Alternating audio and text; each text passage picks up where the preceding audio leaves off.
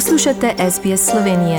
Prisluhnite še drugim zanimivim zgodbam na sbsp.com.au pošiljka Slovenije. Lepo pozdravljeni, dragi rojaki, cenjene rojakinje, slovenci v Avstraliji. Poleg povsem poletnih temperatur v prvi polovici septembra so ozračje v teh dneh v Sloveniji dodatno pregrevali še poostreni ukrepi v zvezi z omejevanjem okužb s COVID-19.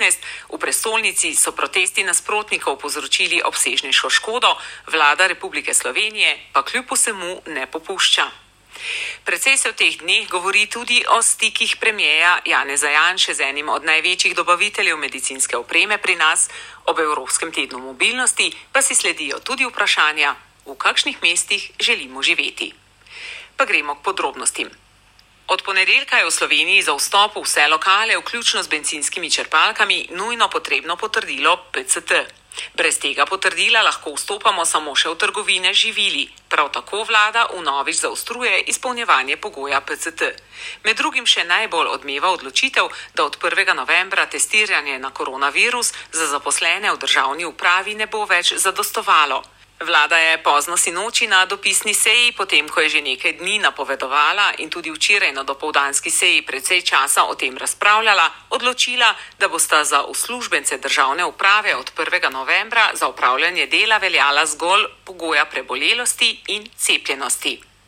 Vsi v državni upravi, ki niso preboleli COVID-a, se bodo tako morali cepiti. Na ministrstvih, v vladi, na upravnih enotah ter v policiji in vojski je zaposlenih okoli 31.500 ljudi, koliko od teh ni cepljenih ali prebolelih, pa ni znano. Tisti, ki se iz zdravstvenih razlogov ne smejo cepiti in imajo zdravniško potrdilo, se bodo lahko še naprej testirali. Predvideno je tudi delo od doma, a vprašanje je, kaj bo, če delo od doma ni mogoče. Med drugim bodo morali enega od treh pogojev izpolnjevati tudi udeleženci javnih prireditev in shodov, na katerih se bo zbralo več kot 50 ljudi. V sredo zvečer pa je v Sloveniji odmeval protest proti uveljavljanju pogoja PCT. Na sprva mirnem, sicer neprijavljenem protestnem shodu so v Ljubljani izbruhnili incidenti. Potem, ko se je množica približala vhodu v parlament in je v poslopje priletelo nekaj pirotehnike, je policija ljudi pregnala s vzivcem. Ko so nekateri začeli vanjo metati pirotehniko in granitne kocke, pa je aktivirala še vodni top. V poznih večernih urah je policiji uspelo vzpostaviti javni red in mir in preprečiti nadaljne kršitve protestnikov, ki so se v središču Ljubljane zbirali in po razpustitvi neprijavljenega shoda še nadaljevali kršitve javnega reda in miru. V skupinah so se zbirali in napadali policiste s steklenicami in granitnimi kockami.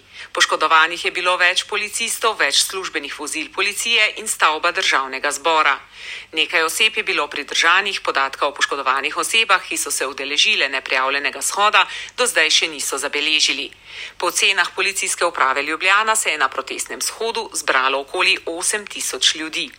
Predsednik vlade Janez Janša pa je te dni zopet pod drobnogledom zaradi fotografij, ki so se znašle v javnosti in na katerih je razvidno, da se zasebno druži z nekaterimi največjimi dobavitelji medicinske opreme pri nas. Posebej je razburkala fotografija Janše z Božom Dimnikom na jahti nekje na Jadranskem morju. Zasebna druženja zdajšnjega predsednika vlade Janeza Janše z nekaterimi največjimi dobavitelji v zdravstvu in lobisti odpirajo številna vprašanja. Janša se je na najnovejša razkritja odzval z besedami, da je v 20 letih, ko je še imel čas, igral golf s praktično vsemi, ki so takrat golf igrali v Sloveniji, tudi z vsemi na fotografijah. Z gospodoma, ki jih omenjate, nisem nikoli sklepal nobenih poslov in je žalostno, da samo imenovana kul cool opozicija nima nobenega programa, zdaj prek tega ustvarja nek vtis, da nekaj počne, sicer pa ne počne ničesar, sproža afere, je odzivu še dejal premijer Janša. Na objavo novih fotografij so se seveda različno zvali tudi v politiki. V koaliciji ocenjujejo, da gre za prve predvoljivne diskreditacije in spine, pa tudi to, da slike same še ne pomenijo prav ničesar. V opoziciji pa pričakujejo, da bo nova dejstva pod drobnogled vzela ne le protikorupcijska komisija, pač pa tudi organi pregona. Sicer pa je premijer Janez Janša tedni v celju odprl 53. mednarodno obrtno podjetniški sejem.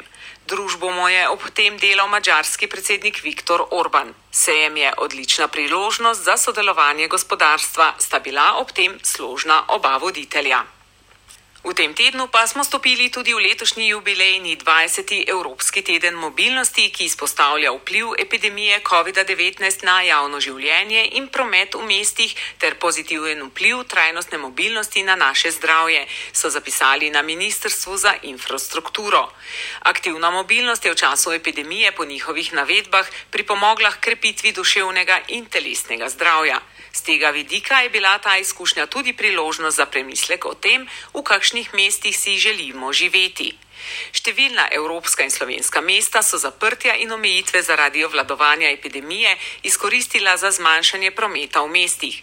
V tem času so, kot so povdarili na ministrstvu, izvedla trajne ali začasne ukrepe z področja trajnostne mobilnosti, s katerimi so izboljšala kakovost zraka v mestih, zmanjšala gnečo in hrup, izboljšala so infrastrukturo za pešce in kolesarje ter uvedla varnostne ukrepe proti COVID-19 v javnem prevozu.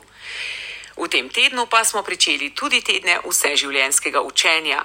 Tedni vseživljenjskega učenja so vse slovenska prireditev in hkrati najvidnejša promocijska kampanja na področju izobraževanja in učenja v Sloveniji. Združujejo številne ustanove, društva in druge deležnike na področju izobraževanja. Leto se bo po različnih krajih ponovno odvilo kup prireditev, vse pod motom: Učenje vedno najde pot.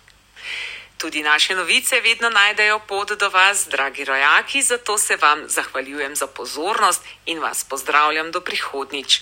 Z vami sem se družila Katarina Valentar. Želite slišati sorodne zgodbe? Prisluhnite jim preko Apple ali Google podcasta, preko aplikacije Spotify ali kjerkoli drugje.